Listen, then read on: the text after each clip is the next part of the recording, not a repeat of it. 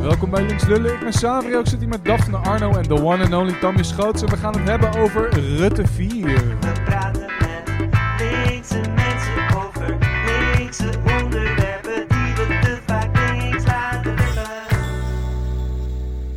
Bij links lullen. Bij Links Lullen, want daar zitten we nogmaals welkom. En eh, we hebben inderdaad, zoals ik net al zei, een hele bijzondere gast. De one and only Tammy Schoots. Tammy, we kennen jou vooral, denk ik, van Twitter. Eh, Nee. Van Broodbuis en allerlei andere dingen die, je die je hebt gedaan. Maar misschien is het fijn als je nu voor de luisteraar, want die kennen ons allemaal natuurlijk heel erg goed, even jezelf nog een keertje aankondigt. Vertel eens wat over jezelf, eh, Tammy. Jeetje, wat een vraag altijd, hè? Dan moet ik altijd met iets origineels komen. Nou, eh, ik ben Tammy Schoot. Eh, ik ben transgender activiste. Dus de schrik van eh, rechtsconservatief Nederland.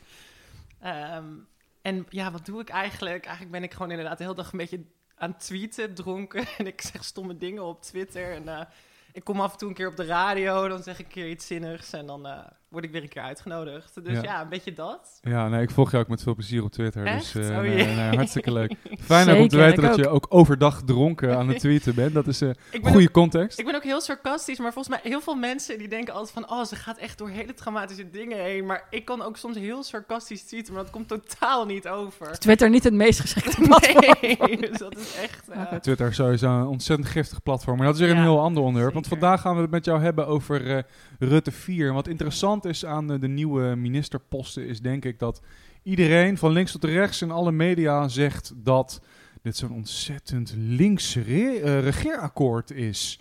En eh, ja goed, ik, ik heb daar zelf altijd een beetje mijn twijfels bij. En volgens mij jij ook, eh Tammy. Dus ik ben benieuwd wat Ja. je ter tafel gaat brengen vandaag. zeker, ik, ik heb daar zeker mijn vraagtekens bij. En eh, dat is ook waarom ik het heel leuk vind dat ik hier mag komen. En ik heb een paar dingen voorbereid. Een paar dingen, ik heb, ben er ingedoken in het regeerakkoord. Dus ik zal gewoon af en toe een paar argumenten noemen en dan reageren jullie daar lekker op. Een van de grootste dingen is dat dit eigenlijk niet een soort definitief antwoord is waar die belastingdruk nou ligt. Wat ik daarmee bedoel is dat er niet een soort verschuiving is van belasting op arbeid naar belasting op kapitaal. Hè? En we zijn een belastingparadijs. Dus als het echt een links akkoord zou zijn, dan zou daar een verschuiving plaatsvinden. En ik ben niet de enige die dit zegt, dus dat hoef je niet van mij aan te nemen. Niels Boef, eh, de voorzitter van de Nederlandse Orde Belastingadviseurs, die zegt, en ik quote... Er mist een eenduidig antwoord op de fundamentele vraag over hoe om te gaan met inkomsten uit arbeid versus winst uit onderneming. En dat vond ik echt wel een hele scherpe opmerking, want daar blijft het nogal vaag over, het regeerakkoord. Het zegt eigenlijk, hè, voor die inrichting van eh, de arbeidsmarkt wachten we op het eindrapport van de commissie Borslab en op een SER-advies. Nou is dat SER-advies volgens mij wel redelijk iets positiefs. Maar het, ge- het geeft daar dus geen antwoord op. En ik denk als dit Mm. echt links zou zijn, dan zou je daar een verschuiving in zien. Zeker als je kijkt dat wij eigenlijk belastingparadijs nummer één zijn, volgens mij. Of is Ierland, staat hier nog voor ons? Of? Nee, volgens mij staan wij uh, boven. Ik wil wel even benoemen dat ik wel vind dat die man van de belastingdingen een leuke achternaam heeft. Ja, hij heeft het boef Boef. met zijn achternaam, dat is toch? waarschijnlijk eh, niet een hele links iemand, maar als hij het zegt. Ja. leuke achternaam, Fijn ja. dat je erbij zit, al. Ja, ja, ja.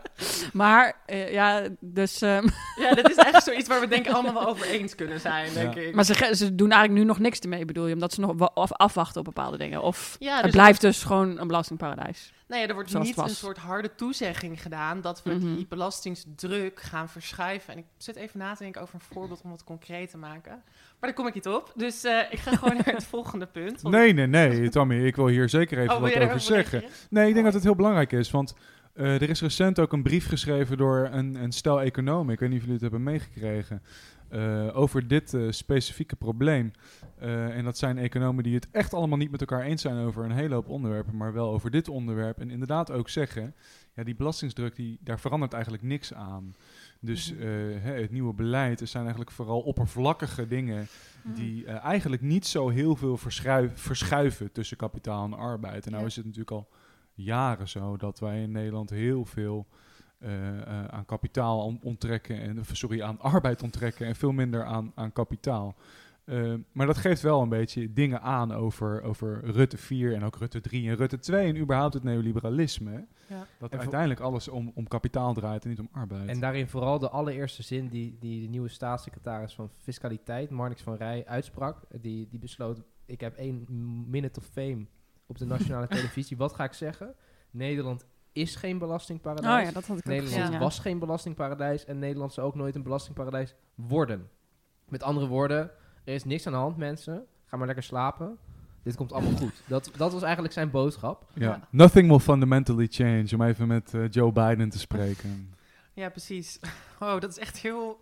Die dubbele betekenis daarin was nog niet helemaal niet zo opgevallen. Maar nu je het zo zegt, denk ik van... Jee, oef. Maar ga vooral door, eh, Tommy. We komen hier denk ik nog op terug, want na- eh, natuurlijk hangt het allemaal met elkaar samen. Maar, maar eh, Ja. wat, wat is je volgende punt over Ja, het ik, ik wilde ook nog heel even op, ingaan op die staatssecretaris. Ik denk ook wat je ziet is inderdaad die, die wat ze doen, is gewoon een beetje pappen en nat houden. Ik denk gewoon geen harde toezeggingen doen, zodat er niet een soort eh, harde tegenstem ontwikkeld kan Mhm. worden. Want ik denk dat heel veel mensen, als mensen horen SER, dus de Sociaal-Economische Raad, wat dan redelijk soort links georiënteerd orgaan is, toch? Mag ik wel zeggen? Of, Mhm. nou, het is in ieder geval... Misschien ten opzichte van de norm. Ja, ten opzichte van de norm, laten we het zo zeggen. Dus ik denk dat dat, dat haalt, denk ik, een soort de pit eruit. Omdat als je dan een argument daartegen gaat zeggen, als je gaat zeggen van ja, maar waarom is die belasting niet verschoven? Dan kunnen ze altijd zeggen ja, we wachten af. Of ja, de SER komt met een advies. Maar dat schakelpunt van advies naar implementatie, daar zit, dat is natuurlijk, da- daar kan je natuurlijk veel meer, veel meer mis laten gaan. Dat kan je bemoeilijken. Dus daar, dat is gewoon denk ik ook wel strategisch heel slim. Zeker omdat arbeidsmarkt in dit kabinet is best wel een moeilijk punt.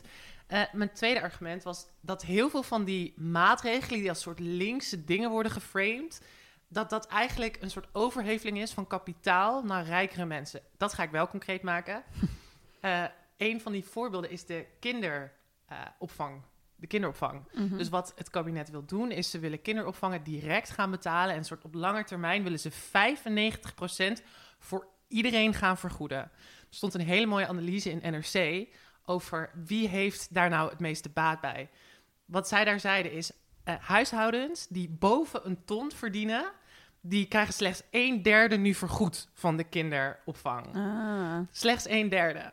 En dat gaat, is een soort glijdende schaal naar inkomen. Tot de armste mensen, die krijgen 96% vergoed. Dus die armste mensen gaan er eigenlijk 1% op achteruit. Terwijl de rijkere inkomens er heel erg veel op Maar- vooruit gaan. En dit wordt als een soort links... eh, Dus ze gaan iets veranderen aan die hele kinderopvang gebeuren. ja. Zodat, maar dan gaan dus die rijke mensen daar meest op vooruit. Ja, als je die- gaat die- kijken naar waar- er baat bij. ja, waar belastinggeld naar overgeheveld wordt... zijn het die rijkere huishoudens. En, toen Mm. En ze framen het zeker ook als, oh, nu wordt kinderopvang soort van gratis. Want dat is natuurlijk ook Ja. wat nu hip is, van dat dat natuurlijk beter is. Ook voor de vrouwen op de arbeidsmarkt, dat die ook lekker veel kan gaan werken. Ja, precies. En ik denk dat wat je hier gewoon heel erg goed ziet, is dat soort schijnprogressief. Dat Ja. schijnprogressief D66. En kijk, ik snap ook wel, voor de middeninkomens gaat het natuurlijk een uitkomst bieden. Maar het gaat natuurlijk het meeste geld schelen voor die hogere inkomens. Ja, dat, dat is schandalig, ja. Ja, dus vanuit een rechtsconservatieve blik is het heel logisch dat ze dit doen. Terwijl iedereen helemaal verbaasd was. Hmm. Ja, terwijl, kijk, het moeilijke hier vind ik natuurlijk dat het is hartstikke goed dat dat gratis wordt. en dat dat Ja. wordt vergoed. Dat is eigenlijk, het idee hierachter bedoel ik dan, hè, is voor iedereen goed. En dat is ook het argument wat ze, wat ze voeren. Ja, maar kinderdagverblijven worden gewoon gratis voor iedereen. Dus waarom, hoe kan je hier tegen zijn? Maar als je dat inderdaad, zoals jij dat Ja. denk ik heel duidelijk uitlegt, vanaf een breder perspectief gaat bekijken, Ja. dan valt het eigenlijk heel erg mee hoe goed dat is voor de mensen die eh, eh, nu aan de, weet je wel, in de lagere socio-economische klasse zitten, vergeleken met de mensen die op de hogere Ja. socio-economische klasse En- zitten. Ik denk wat ze natuurlijk heel erg slim doen. Ik denk dat er steeds, nog steeds in Nederland een soort idee heerst van voor iedereen is rechtvaardig. En daardoor krijg je Ja. heel weinig soort repliek daarop. Want ik heb daar ook, ik ging ook met een paar vriendinnen praten. En dat zijn een soort, weet je wel, gewoon middenmensen, een soort GroenLinks, D66 Middenmensen. mensen.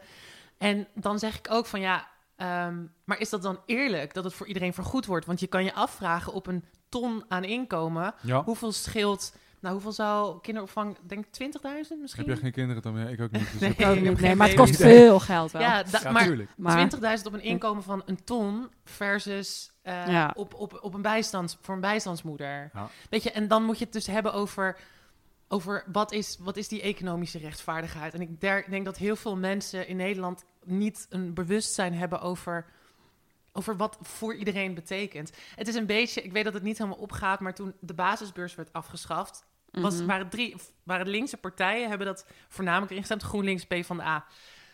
D66. Dat is natuurlijk niet helemaal links, maar wel ook onder dat idee van hè, de bakker betaalt voor de advocatenzoon. Wat het probleem daar natuurlijk was, is dat ze die generatieverschillen niet meetelden. Het is de advocatenzoon betaald voor de bakker en niet voor de bakkerszoon.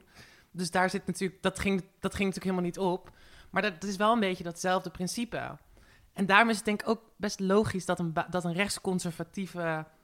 eh, een rechtsconservatief kabinet helemaal niet tegen het terugkeren van een basisbeurs is. Dat de meeste rijke mensen gaan studeren. Dus het is ook weer overhevelen van geld naar rijkere inkomens. Ja. Natuurlijk zijn die hele middeninkomens helemaal vergeten toen met de basisbeurs. Maar goed, het is wel die logica. Dat is een soort rode draad door die schijnprogressieve maatregelen. Absoluut. Sorry, ik ben echt een eh, monoloog aan het houden. Nee, helemaal niet, nee. Nee, iets nee, want we gaan hier even met z'n allen doorheen en dan eh, kunnen we Ja, laten kunnen samenvatten. Maar wat interessant is hier, is dat we hier het verschil tussen gelijkheid en gelijkwaardigheid, denk ik, heel erg. Ja. aanraken. dus laten we het daar vooral later even over hebben. Maar, maar, Ja. maar vuur vooral door, Tammy. Wat is, wat is argument drie? We gaan het op het laatste, we gaan het allemaal Oh ja. samenvatten zo. Oh ja, dat is. eh, nou, dit is dus het argument wat mij het meest dwars zit. Ik zit hier dus gewoon echt al de hele week mee.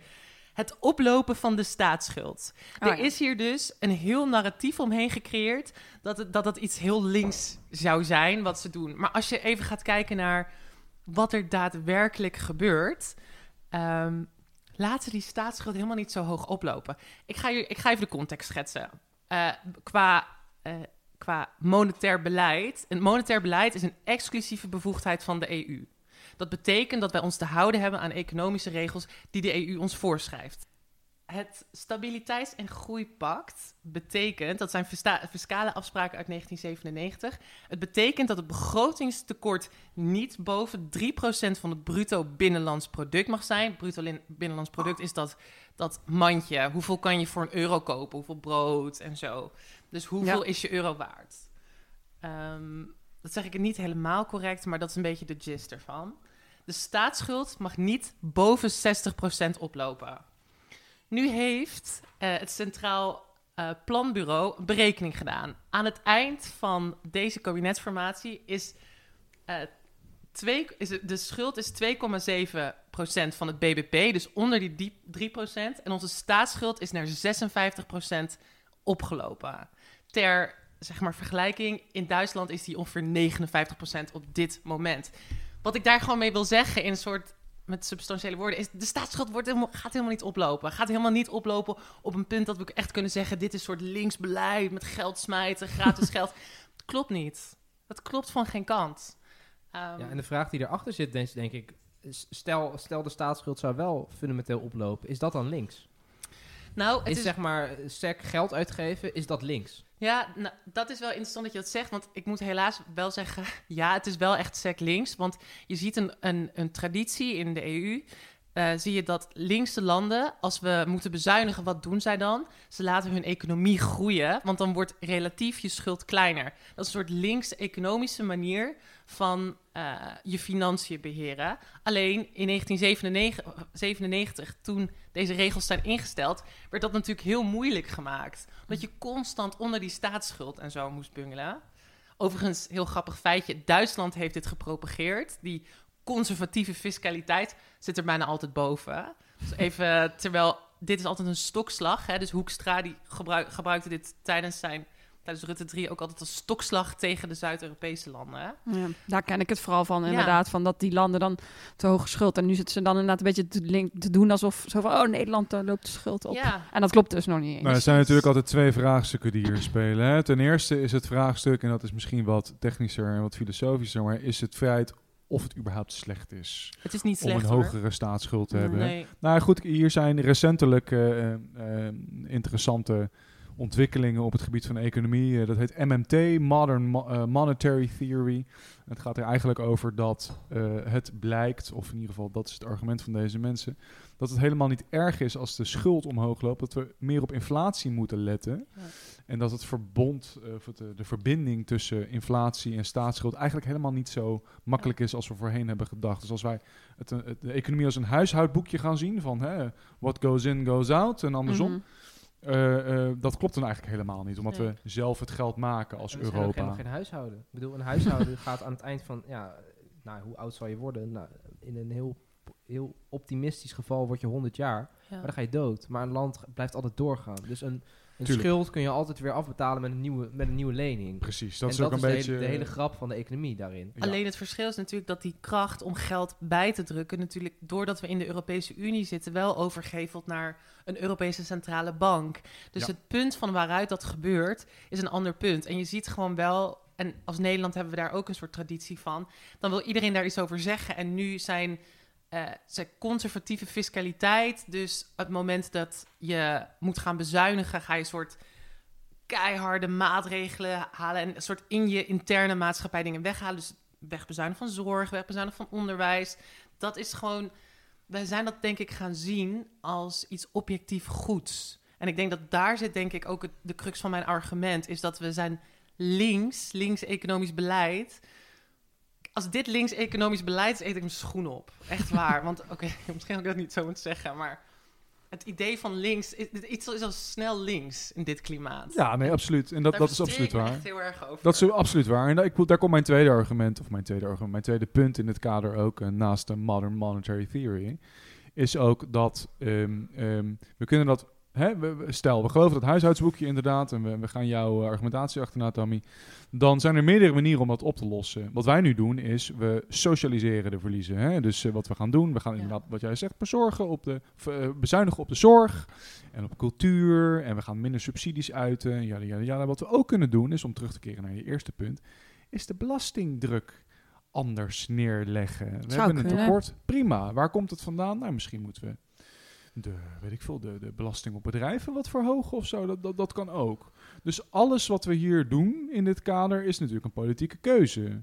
En dat wordt links geframed, maar uiteindelijk is het, eh, is het een rechtse keuze om het op deze manier op te lossen. Ja, en het hangt denk ik ook nog samen met nou ja, de vraag die ik eerder stelde met is meer geld uitgeven automatisch links. Kijk, toen wij als, als land KLM redden, ik vind dat niet per se links beleid. Nee, het is wel ontzettend veel geld uitgeven. En wat je volgens mij heel erg ziet in een, in een neoliberale economie, is dat je de, de winsten heel erg privatiseert. Dus Ja. bedrijven moeten winsten kunnen maken, die moeten daar lekker vrij in kunnen handelen en weet ik het wat. En zodra er een crisis uitbreekt, of dat nou de bankencrisis was in 2008 of nu coronacrisis, dan moet de samenleving in zijn geheel opdraaien voor de risico's die die private bedrijven al die tijd hebben gelopen. Ja. Want ja, wie kan er nou wat doen aan een coronacrisis? Of ja, niemand had voorzien dat het monetaire systeem in elkaar zou donderen. Eh, dus in 2008 is er ook gigantisch veel geld uitgegeven. Ja. Eh, maar dat was puur om het redden eh, van, van de economie zoals we die hadden georganiseerd. Ja. Terwijl we dat niet hebben ingezet om bijvoorbeeld banken te democratiseren. Of nu KLM te zeggen, nou KLM gaat bijna failliet, mooi, dan kopen we aandelen op en dan democratiseren we KLM. Dan gaan we zelf over dat bedrijf, als land. Ja. Eh, dus Maar ik denk ook wel inderdaad, nog even terugkomt op jou. En daarna, ik vind het echt een goed argument. Trouwens, wat jij zegt, Arno. Maar wat er wel. Niet wat ik natuurlijk- zeg, wat ik zeg is... Ah, Wat er, ja. natuurlijk, wat er natuurlijk wel gebeurt in het regeerakkoord is... ja, er is wel een deel van de rekening komt bij de bedrijven te liggen. Ik denk wel, waar het natuurlijk over gaat is... en waar die roep denk ik inderdaad ook is vanuit die economen... is een fundamenteel ander belastingssysteem. Inderdaad, waar je op de lange termijn dit, die, die balans gaat herstellen. Ehm, terwijl nu is het gewoon, oké, een deel van de rekening leggen we bij de bedrijven neer. Dus, er, dus die roep om substantiële verandering wordt niet beantwoord hier. Wat Arno, wat jij natuurlijk zegt, inderdaad, van waar geef je veel geld aan uit? En dat is denk ik de, dat is denk ik een hele goede vraag. Dat is denk ik een hele goede vraag. Eh, aan een soort semi-private overheidsinstanties van de cultuursector. Er was ook een, eh, een soort statistiek dat de cultuursector voor iets van 5% of zo van de banen zorgde en een visserij voor 1,1 of zo. Terwijl de, de visserij veel meer geld heeft gekregen in deze coronapandemie. Als er ook zo'n staart dat een net, nertse bedrijf kreeg iets van 9 ton of zo. En dat is evenveel als de cultuursector. Weet je, allemaal van dat soort grafiekjes. Dus het gaat inderdaad ook over... Wat we hebben gedaan is die keuzes gedepolitiseerd. Doen alsof, dat, alsof een soort objectief juiste keuze is om KLM te redden. Dat is objectief juist. En cultuur, ja, dat is normatief. Dat vinden sommige mensen leuk. Terwijl het natuurlijk over de binding van een land gaat. Dit is natuurlijk, weet je... dit is moeilijk om dit sexy te maken, maar ik denk dat dit wel gewoon echt de substantie is achter dit regeerakkoord waar niemand het over heeft. Ik vind het ongelooflijk sexy, maar misschien ligt dat aan mij. ja, dat ligt aan Maar jou. volgens mij, ben- ik denk het ook. Ja, je legt het wel duidelijk uit waarom, ja, Ja? wat eronder zit en waarom het, ja, ook wat de grotere dingen eronder zijn, waardoor het systeem in stand houdt. Ik, we zijn het 100% met elkaar eens. we zijn het Maar- Dat scheelt, hè? Maar heb, Dat jij, scheelt. eh, heb je nog iets, eh, heb je nog een, eh, Ja? een vierde argument Nou- voordat, we gaan, eh, voordat we gaan samenvatten en een beetje, het gesprek een beetje open gaan gooien? Oh ja, ik wil dan nog wel even één ding zeggen over die staatsschuld. Is inderdaad dat er wordt gedaan alsof er een compleet andere koers wordt gevaren op hoe wij een monetair beleid eh, uitvoeren. Want we kennen natuurlijk Hoekstra, die soort fiscaal, hè, de zuinige vier, Denemarken, Zweden, Oostenrijk en Nederland, die gewoon constant grote uitgaven tegenhouden in de EU. Alleen, dit, is helemaal niet, dit is helemaal niet gek dat deze draai is gemaakt. Je ziet het CDA, de Christendemocraten, die van oudsher die hele conservatieve monetaire beleid aanhangen, is lam gelegd. Dus die hebben gewoon niet die slagkracht om dit te propageren. Ehm, zoals ik net ook al zei, monetair beleid is een exclusieve bevoegdheid van de Europese Unie. Dus je moet dit in Brussel gaan regelen. De trend in Brussel is, door die eh coronasteunfondsen, is, er, is dat stabiliteits- en groeipact, dus dat je zuinig moet zijn met je geld, is weer ter discussie komen te staan. Met Olaf Schulz, dus de sociaal-democratische nieuwe minister in bond- bondskanselier in Duitsland, is er een nieuwe wind gaan varen om die staatsschuld op te laten lopen, want hij is links. En wat zie je, wat, zie je wat Rutte doet? Rutte gaat mee in dat narratief. Dus je kan, dit is denk ik eerder gewoon die managementstijl van Rutte. Want even voor de beeldvorming, moet je je voorstellen dat iedereen gaat investeren in een maatschappij. En Rutte zometeen, en dan denkt iedereen, ja, maar waarom moeten wij, zeg maar, weet je wel, weer Zuinig op de zorg. de broekriem, ja, de broekriem aantrekken. Dus dat is, de- hij is gewoon zichzelf, denk ik, weer politiek aan het indekken. En daarom heeft hij die narratieven naar buiten geholpen. Maar zie je eigenlijk, als je naar het skelet kijkt, is dit helemaal geen. Die staatsschuld die loopt amper op. Volgens het Centraal Planbureau. Fijn dat je zo'n bron eh, juist ja, hebt. ja. Ja, ze geven hebt- grote bron aan 2060. Hè. Dan, dan zou het de pleuris moeten uitbreken. De toekomstige generaties Oh, die ja, zouden ja. onze schuld moeten betalen. Mhm. Maar 2060, dat is zeg maar letterlijk net zo ver weg als dat 1984 ver weg is. Ehm, en er is in de tussentijd best wel wat gebeurd. Ja, Eh, om, om maar, er zijn een stuk of vier, vijf crisissen uitgebroken. ja. Eh, er is gigantisch veel gebeurd aan innovatie en ontwikkeling. Er zijn oorlogen uitgebroken en ondertussen weer opgelost. Ehm, dus om nu een voorspelling te doen over wat het huidige beleid met de staatsschuld in 2060 doet, is gewoon. Ja. Ja. dat, dat is net als nu voorspellen wat een NFT over 30 jaar waard gewoon 0 euro. to- totaal. Ja, dat, NFT dat is die digitale kunst, toch? Ja, precies. Dat is misschien de beste voorspelling, 0 euro. Maar Ja, en het is denk ik ook gewoon een soort manier om grote. Dit is gewoon denk ik gewoon een soort in rechtse media een argument geworden. En eigenlijk niemand weet meer waar dit vandaan komt. En iemand zei laatst ook heel terecht van ja, maar eh, de investeringen die nu worden gedaan, daar hebben latere generaties toch ook weer profijt van. Dus het is een beetje eh, ja, op klimaat en op werk en inkomen. het is in ieder geval Dus- te hopen, zou je dan denken. Ja, het is te hoop. ja, Nou het is goed, te het is dat, dat, we dan nog eh, bestaan. Dat, dat sowieso, maar dat, is, dat, dat hangt er ook mee samen. Het is natuurlijk een beetje dat korte termijn versus lange termijn denken. En Ja. weet je, we zijn heel goed in korte termijn denken, maar heel slecht in lange termijn denken. En dat is, dat is, dat is het gevaar ook. Maar het interessante hieraan vind ik ook weer, eh, eh, komt de filosoof weer, maar ik vind het heel interessant hoe dit ook iets zegt over hoe het liberalisme in elkaar zet. En inderdaad, wat, wat jij zegt, dat Rutte dan heel erg meegaat, dat het zo zielloos is. Hè? Het is zo Ja, want ik zou toch verwachten als het, dat dan rechtse mensen, rechtse VVD'ers wel denken, wat is dit en het gaat niet goed. Maar dat Nou ja, gebeurt dat is ook niet, zo. toch? Jawel, jawel. Maar die, Ja? gaan, die gaan dus naar rechts toe. Er is oh, die gaan dan nog grote- rechtser. Ja, het Ja, grote, is ook niet de goed. grote kritiek die de VVD krijgt is... jullie zijn niet rechts genoeg. Ja. En dit is daar denk ik een, eh, een substantieel deel van. Maar dat is Ja. denk ik ook een soort hele lange rechtse lobby die nu de vruchten begint af te werpen. Want als je gaat kijken bijvoorbeeld naar de jaren negentig, en dat is nog lang niet lang genoeg terug, zag je dat H.J. Scho, een rechtse denker, die zat alleen maar zo te wijzen. Oh ja, de, de linkse elite, de linkse elite. En Ruud Kolen, dat was dan een linkse denker, die ging dan naar binnen. Van, oh ja, maar, maar zijn wij dan elite? En je ziet dus dat dat narratief heeft ervoor gezorgd dat langzaam die, die politieke acties aan het opschuiven is. Ehm, Overton window, eh, zullen we maar even zeggen. wat- Of, wat- eh, wat- Volgens mij komt het op hetzelfde neer. Ongeveer. Maar Overton Window is ja, de, het, het blik waarbinnen mensen, het blikveld waarbinnen mensen kunnen kijken Ja. naar politiek. Wat is haalbaar en betaalbaar, om het maar even heel plat te zeggen. En wat is totaal Mhm. buiten onze denkwereld. Dus bijvoorbeeld iets als kraken, wat eh nou, 30, 40 jaar geleden toch best wel voor de hand lag op het moment dat er grote woningnood was. Daar was 10 jaar geleden, als je dan een pand kraakte, was nou, ben je helemaal knettergek.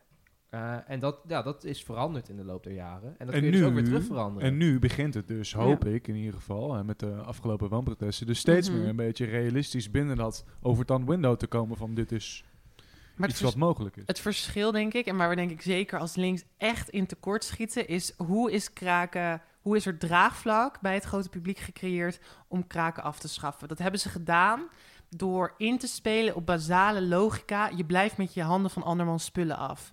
En je ziet dat, dat wat rechtse mensen gewoon heel goed hebben begrepen is hoe je naar een groter publiek moet praten. Wat zijn zeg maar basale logica? Wat is, wat is sentimenten die iedereen een beetje zo voelt? En dan, daar geven zij woorden aan. Een ander goed voorbeeld daarvan is, is dat hele idee van fake news. Wetenschap is altijd een debat geweest. Maar een leek, dus iemand die niet een wetenschappelijke opleiding heeft gehad, die leest dan in een krant expert 1 over virussen en expert 2 over virussen. En die, die spreken elkaar tegen. In de wetenschap is dat heel normaal, want je bent eigenlijk gewoon constant een argument aan het, be- eh, aan het vertegenwoordigen. Maar dat geeft wel een soort ongemak en een soort gevoel, er klopt hier niet iets, iets helemaal. En Baudet doet, bam, fake news. En dan denken mensen, oh ja, maar ik voel dat. Ja, ik voel dat. Dat was precies hetzelfde met kraken. En ik denk dat die, en dat is ook dit regeerakkoord, is gewoon heel slim in hoe ze weten, hoe ze kritieken weten te ontwijken. Dus de dingen die ik hier ook noem, heb ik gevonden op hele specialistische websites. Ja. Dit is niet iets, nou, kindertoeslag dan daar gelaten, maar veel dingen vind je niet in de mainstream media of in grote analyses. Want je, kan, je hebt ook gewoon niet de tijd om dit zo uiteen te zetten. Sorry, dit is even mijn uitstapje. Zo, eh. Nee, nee, helemaal terecht. En ik, maar ik denk dat misschien ontwijken bijna nog het verkeerde woord is, dat het meer internaliseren is. Deze mensen Hmm. weten natuurlijk donders goed waar ze mee bezig zijn. En die weten heel Yes. goed ehm, eh, dat soort argumentatie te, te vereenzelvigen met hun eigen beleid. Weet je, van, Ja, ja, ze weten het gewoon gezegd, goed te dus verpakken. Dit is dan de oplossing, terwijl dat eigenlijk helemaal niet de oplossing is die bijvoorbeeld hè, die argumentatie. eh, Nou ja, het, Daniel Koerhuis eh, is daar denk ik het levende voorbeeld van. De, de, de, wat meme-waardige... Bouwen, bouwen, bouwen. Wat meme-waardige... Rijden, rijden, Ja, rijden. nee, maar die is, die is inderdaad letterlijk van, van zijn portefeuille wonen, waar hij dacht, oh, woning, tenminste wooncrisis. Oh, oplossing bouwen. Voor wie? Maakt niet uit, bouwen. Eh, van wie? Bouwen. En die gaat nu naar eh, mobiliteit en die zegt nu rijden. Dat is Ja. gewoon zijn enige oplossing voor alles. En voor, nou ja, voor heel veel mensen denk je, ja, als je in de file staat, dan is hetgeen wat je het meest wil, is doorrijden. Hysterisch. Ik vind het nog Dus steeds jammer dat deze man rijden. niet eh, justitie heeft gekregen. heeft het niet hoor. Want dan was het. Stel je nou voor, even hè, deze, deze hypothetische Straffen, werkelijkheid. straffen, straffen. Nee, nee, nee. Oh. Leuker juist. Stel, hij was eh, minister van Justitie en Veiligheid en drugs waren gelegaliseerd. Wat was het dan geweest? Snuiven, snuiven, snuiven. Ik zat echt zo te denken, waar ga je heen, waar ga je heen? En toen hoorde ik je snuiven, snuiven, snuiven zeggen. En toen dacht ik, oh ja. Ja, Ja. Maar ik denk wel dat, en dat is misschien wel een mooi volgend punt wat we ook wel kunnen bespreken over het regeerakkoord, is dat de democratisering, hè, dat dualisme, dus met dualisme bedoelen we dat er genoeg verschil is tussen de Tweede Kamer en de overheid. Eh, omdat ik dus denk dat heel veel mensen die meestemmen met dit beleid, of dit beleid maken, helemaal geen idee hebben wat ze, waar, ze, waar ze voor instemmen. Laten we eerlijk zijn, als iemand, toch? Als iemand op sociale rechten zit, is het dan eh, heel gespecialiseerd daarop is. Hoe ik, ik vond het al best lastig om gewoon echt uit te vogelen. Ik heb daar echt heel in gezeten, mensen gebeld die er veel meer verstand van hebben dan ik. Ehm, ja, heb je er, weten die mensen dat echt? Weten de Kamer, laten we het even concreet maken. De Kamerleden die bij die overheidspartijen zitten, denk je echt dat die doorhebben wat ze erin stemmen? Nee, natuurlijk niet. Nee, toch? Nee, Dus natuurlijk ik- niet. Nou ja, en als ze het wel weten, het is een compromis. Dus op het moment dat je ergens niet mee eens bent, dan denk je, ja, maar ja. Hier hebben we intussen, wat is het, meer dan een jaar over onderhandeld. Oh. Dus het zal wel het maximaal haalbare geweest zijn. En ik denk dat dat het grote gevaar is van al die eh, kabinetten. eh, dat er een soort vaste uitkomst moet zijn. En als je daaraan gaat morrelen, dan weet je al dat partij X of partij Y gaat zeggen... ja, maar dan hadden wij daar niet willen inleveren. En dan hadden wij daar niet willen inleveren. Nou het geeft ook een beetje aan hoe de parlementaire democratie richting centralisatie gaat. Of dat in ieder geval bemoedigt. Hè? Ik bedoel, het is heel moeilijk voor een Sylvana Simons met één zetel om alle portefeuilles te pakken. En ook echt tijd en energie en überhaupt medewerkers te hebben om hè, aan, aan, aan dat hele regeerakkoord te zitten. Ehm, en een SP die... eh, hoeveel zetels heeft de SP tegenwoordig? Negen. 7, 9. Nou goed, dat, ik bedoel, dat, ik. dat is ook al niet genoeg. Hè? Uiteindelijk eh, eh, Nee, is niet dat genoeg een om je echt eh, erin om te je er echt op te bijten. verdiepen. Dus Ja. dat is een groot voordeel voor, voor Rutte 4. Ja, is, dat, eh, is dat er gewoon geen tijd, geen mankracht, geen geld voor is. Om het ook daadwerkelijk die duale macht eh, op te bouwen. In ieder geval niet binnen het parlement. Nou, en dan ook nog eens hoeveel geld er wordt gegeven aan, aan de hoeveelheid voorlichters. Er was laatst uitgekomen hoeveel voorlichters er in totaal voor alle kabinetten Rutte werken, zeg maar, Hmm. voor het kabinet. Dat zijn er 1800. Echt? Zo, dat is Wat? echt veel. 1800 voorlichters. Dat zijn Voor er, het kabinet. Dat zijn er ontzettend veel. Eh, en dat zijn er een Dat stuk er meer dan veel. dat er aan beleidsmedewerkers werken Ja. in de Tweede Kamer. Is er nog of aan, aan, aan allerlei andere mensen werken in de Tweede Kamer. Dat is er zeker. Maar eh, Ehm, dus, dus je ziet dat, nou ja, de- hoe je net zei, zelf zei, er wordt gestuurd op een bepaald gevoel en daar moeten mensen het mee eens zijn. Dat is ook Mhm. waar heel veel beleid volgens mij op wordt gemaakt. En hoe kunnen we dat vervolgens uitleggen? Dat is veel relevanter dan de, de uiteindelijke uitwerking voor mensen. Zolang je maar een goed verhaal hebt. En als dat lekker gelikt in elkaar zit, prima. Maar hier raak je aan zo'n ontzettend belangrijk punt. En ik denk dat dit ook iets wat is wat we misschien als links te laat hebben begrepen. Eh, en dat merkte ik bijvoorbeeld ook toen ik bij de studentenvakbond zat. eh, ASFA, toen het eerste wat mij werd verteld als voorzitter, ik deed de pers. Ze zeiden, als je een actie doet, het komt niet in de krant, is het niet gebeurd. En dat is, daar, daar zit natuurlijk, zeker in dit, eh, dit tijdperk zit daar wat in. We leven onze levens via schermpjes. En als jij niet te zien bent op dat schermpje, dan ben je niet in iemands leven. Volgens mij, mijn schermtijd is gemiddeld 6 uur en 20 minuten. Dat is echt ongelooflijk hoog. Moet je je voorstellen, dus het, het gevecht is, heeft zich verplaatst naar sociale media, naar het internet, naar hoe je naar voren bent gaan komen. En rechts heeft daar gewoon heel vroeg op ingespeeld met hè, 4chan, gewoon al die hele rechtse websites die een soort ideologie soort laten vercijpelen naar wat we nu kennen als de Post Online, de Telegraaf. De, de Telegraaf schrijft ook tegenwoordig over de Great Reset. Schrijft gewoon Ja. over de Great Reset, wat, waarvan, we, waarvan we eerst zouden denken van dit is echt iets wat alleen op 4chan zou komen. Er was een opiniestuk in, ik, ik weet niet meer precies welke krant, maar het was een, een landelijke krant. En er stond het opiniestuk, ik laat me boosteren, is dit hetzelfde als euthanasie? En dat was dan een vraagteken. Ik stel Ja. alleen maar vragen, hè? Dat, dat is dan het Maar- argument. Maar het probleem is dat die journalisten op Twitter gaan en dan gaan kijken, oh, wat speelt er? En daar speelt extreem rechts natuurlijk super slim op in, omdat ze dit soort sentimenten iedere keer laten trenden. En dan denkt Ja. zo'n journalist, oh, dit is wat er speelt in het land. Daar ga ik wat over schrijven. Ja, en zo'n journalist is natuurlijk die hele functies helemaal uitgekleed. Het zijn allemaal freelancers, dus ze Ja. doen, moeten heel veel in hun eigen tijd doen. Ja, dan zou ik ook gewoon eventjes mijn mo- mobiel aanzetten, daarop kijken, in plaats van dat ik echt het geld en de mankracht krijg om het land in te gaan. Ja, maar goed, je gooit het nu heel erg op het individu. Ik denk ook dat het met de journalistiek als discipline te maken Ja, heeft. precies. Uiteindelijk gaat het ook om winst maken. Hè? Eh, Telegraaf is een BV, eh, de Volkskrant is een BV en NRC is een BV. Het gaat erom hoe verkopen wij de meeste kranten? Hoe krijgen wij de meeste kliks, de meeste ja. kijkers? En, en dan is het ook heel handig om te kijken, wat, wat, wat leeft er? Niet te denken, wat is goede journalistiek? Hè? Hoe, hoe informeren wij het volk? Hoe zijn wij de vierde macht? Nee. Wat scoort er? Het probleem is denk ik altijd geweest met journalistiek is de financiering. Want wat veel mensen niet weten is dat heel veel grote kranten, en dat zie je ook heel erg in Amerika, dat dat gewoon dat het geld kwam van grote families, van grote rijke families. Ehm, dus is de journalistiek altijd onafhankelijk geweest? Dat is gewoon best wel een moeilijk vraagstuk. Absoluut. Want je Alleen, moet ergens het geld vandaan halen. Absoluut. Alleen het, eh, het feit dat deze grote kranten nu BV's zijn, dat is een relatief recent fenomeen. Dat is niet altijd zo geweest. Het zijn niet altijd BV's geweest. Want wat was het hiervoor dan? Een stichting waren het stichtingen. Ah. En die gingen, niet voor, die gingen niet voor de winst.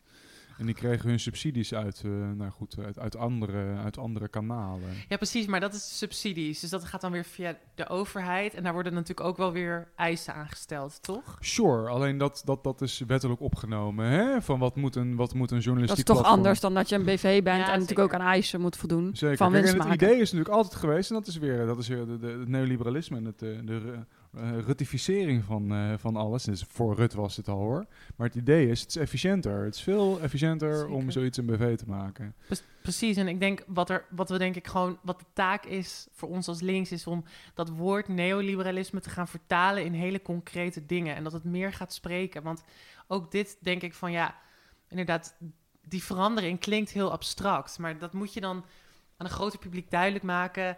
Dat betekent dus dat er nu in jouw krant clickbait staat. Weet je wel, dat zijn gewoon soort. Maar dat zijn denk ik narratieven die we als links maar niet naar voren kunnen krijgen. Ja, absoluut. Maar ik denk dat de, de, grote, de grote cure, de grote tegenbeweging hiervan kan zijn... is dat wij als links ervoor gaan zorgen dat wij net als rechts...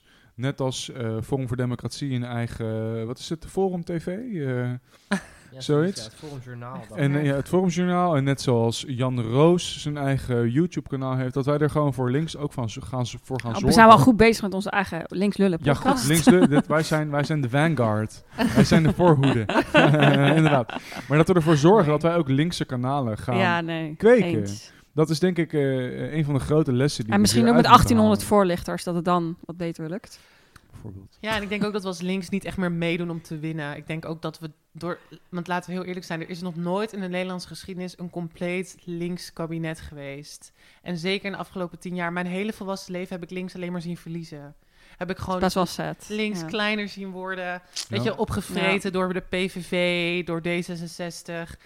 Ja, dan ben je op een gegeven moment ook gewoon compleet gedemoraliseerd. Je bent altijd in de verdediging. Ja, maar we zijn het narratief ook kwijt. En dat is denk ik Ja. iets wat uit jouw verhaal heel erg naar boven komt. Dat dus laten we dat ook. even, Ja. even consolideren, om even een mooi woord te gebruiken. laten we even de afgelopen 35 minuten Hm.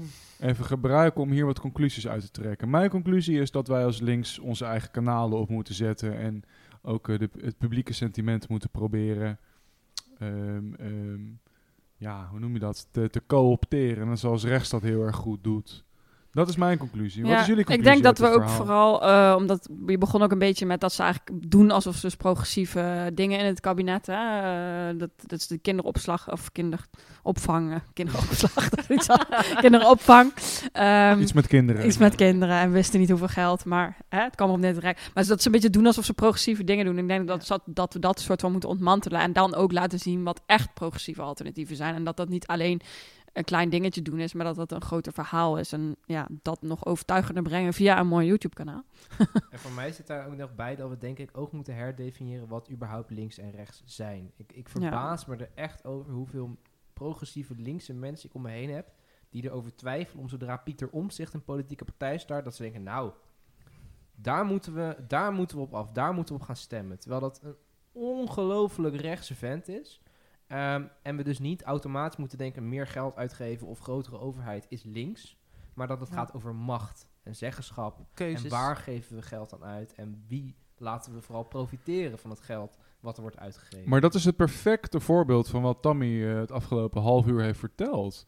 Hè? Dat, dat, dat, dat narratief, dat verhaal, dat hebben ze zo slim weten in te zetten. Ik weet nog dat ik recentelijk, en dit is eh, toen de coronacrisis nog even een beetje lag, dus ik mocht toen naar een huwelijk ergens eh, op, op een eiland eh, in Nederland. Ik zal het eiland, ik zal het eiland niet beginnen met een T. en en eh, of ik heb daar een hele leuke, een leuke, leuke avond gehad en eh, met een jongen gesproken. En die op een gegeven moment durfde hij mij toe te geven. Ja, ik ben eigenlijk, ik ben eigenlijk best wel links, zei hij. Nou, hij wist niet wie ik was. Ik oh, oké, nou leuk, best wel links, oké. Ongelooflijk. En toen zei hij, ja, ik heb D66 gestemd. En dat vond hij Oh, zo erg. ontzettend links. Maar dan zo zie je hoe, hoezeer dat narratief, hoezeer dat verhaal is doorgedrongen. Ja. Dat je, dat je, dat je ga bij wel flink links als je D66 stemt. Hm. Ja. Zo goed Maar zijn ze ik hier. ben benieuwd wat voor milieu hij dan uitkomt. Maar goed. Ja, dat hele idee dat D66 links zou zijn. Ja. Het is gewoon... Da, waar, wat mij daar gewoon heel erg aan ergert, is inderdaad... Het is echt die, dat linkse omhulsel. En ik, alleen het probleem is, hoe ga je dat concreet maken? Dat kan je bijvoorbeeld niet op een radio-interview van vijf minuten concreet maken. Of je kan het niet in een artikel waar je 250 woorden voor krijgt. Kan je dit niet concreet maken? Want je hebt er echt wel meer woorden voor nodig om dit handen en voeten te geven. Ehm, ja, ik, ik word er een beetje moedeloos van. Want we hebben het hier over een groter verhaal. Maar als ik heel eerlijk ben, ik weet niet meer wat dat grote verhaal dan zou zijn. Omdat ik denk dat we qua wetgeving vaak ook heel erg eh, ingekaderd zijn. Dus wat ik net bijvoorbeeld ook noemde, dat stabiliteits- en groeipact is natuurlijk een hele grote overwinning voor rechtsbeleid. Want dat is natuurlijk de oors de je kan er naar wijzen en zeggen: dit is waarom we zo zwaar moeten bezuinigen. Austerity politics, dat komt doordat het in de wet staat. Dus wat ze gewoon heel goed hebben gedaan, we hebben het idee ook dat de wet is een soort iets, ja, dat is iets moralistisch, dat is iets moreel goed, weet je, dat is de Ja, of iets objectieve wet. of zo, Mhm. ja. Terwijl de wet komt natuurlijk tot stand door, politiek, door een politiek gevecht. Alleen, ik vind, en ik merk het zeg maar ook wel als, ik vind het zo'n nare term, opiniemaker.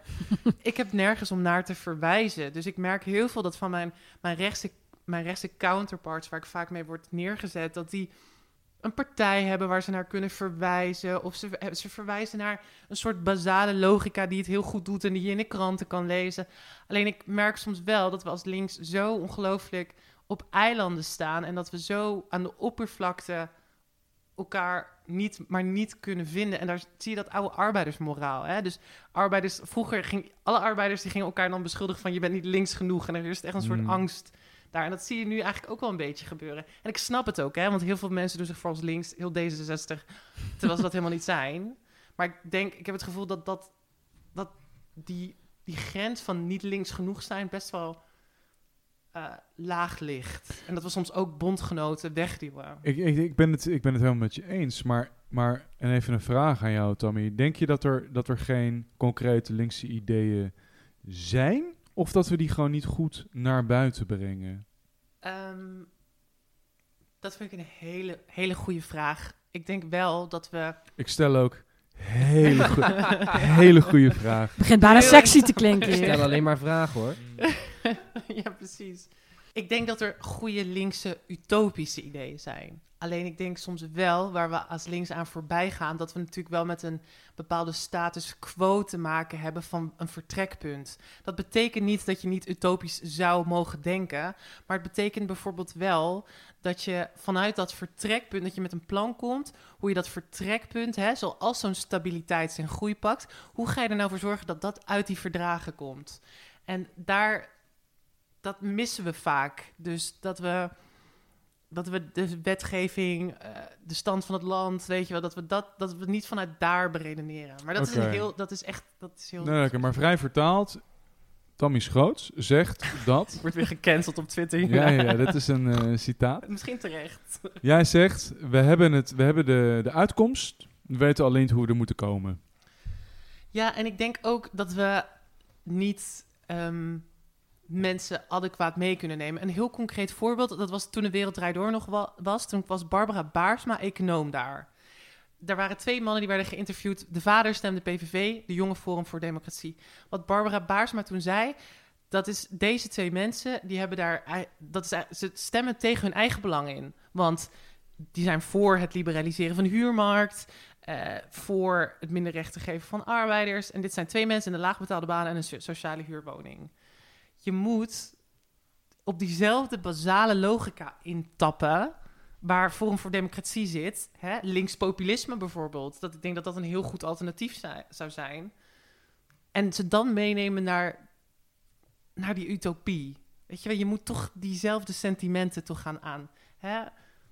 Misschien, Oké, misschien moet ik dit even wat concreter maken.